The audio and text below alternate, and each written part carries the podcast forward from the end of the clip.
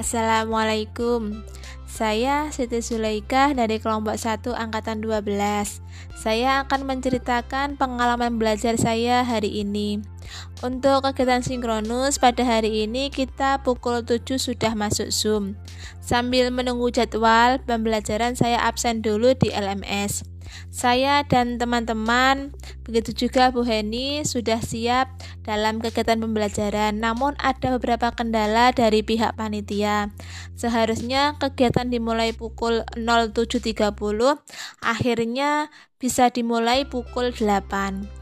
Untuk kegiatan pembelajaran hari ini membahas tentang review materi aneka mengenai tugas individu maupun tugas kelompok. Dari review tugas kelompok mengenai role model tentang Bu Risma, saya dapat meniru mengenai contoh ketegasan beliau, yaitu kita bisa meniru kejujuran dan beliau itu lebih suka tindakan langsung ke lapangan. Sementara itu, untuk tugas individu mengenai podcast, saya masih keliru dalam pengerjaannya. Saya lebih condong ke materi daripada pengalaman.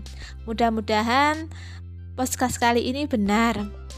Mengenai tugas poster, akhirnya saya paham bagaimana cara menarik pembaca, yaitu dengan memilih warna yang cerah. Dan saya lebih tahu lagi poster apa yang tepat untuk di sekolah. Untuk tugas poster masih pertama kali ini saya pakai Canva. Alhamdulillah karena tugas dari Bu Heni untuk membuat poster di Canva akhirnya saya belajar Canva meskipun masih banyak kekurangannya dan saya akan belajar lagi untuk menggunakan Canva. Dari pembelajaran hari ini saya juga lebih memahami lagi apa itu toleransi kembar dari penjelasan Bu Heni tadi dan juga menambah informasi bagi saya ternyata hanya di Indonesia saja yang men ada menteri agamanya yang mengurusi agama dengan pemerintahan. Dan saya mohon maaf untuk hari ini pada pukul 08.42 tiba-tiba laptop saya mati dan tidak bisa dibuka untuk Zoom. Akhirnya saya masuk lagi lewat HP. Setelah itu akhirnya alhamdulillah laptop bisa dinyalakan. Kejadian ini membuat saya panik hampir 10 menit. Saya tadi ketinggalan tentang penjelasan gratifikasi. Akhirnya setelah Zoom selesai, saya membaca modul lagi tentang gratifikasi yang belum saya pahami.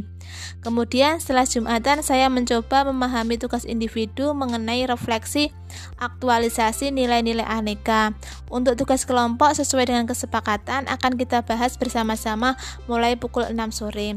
Demikian tadi pengalaman belajar saya hari ini. Wassalamualaikum warahmatullahi wabarakatuh.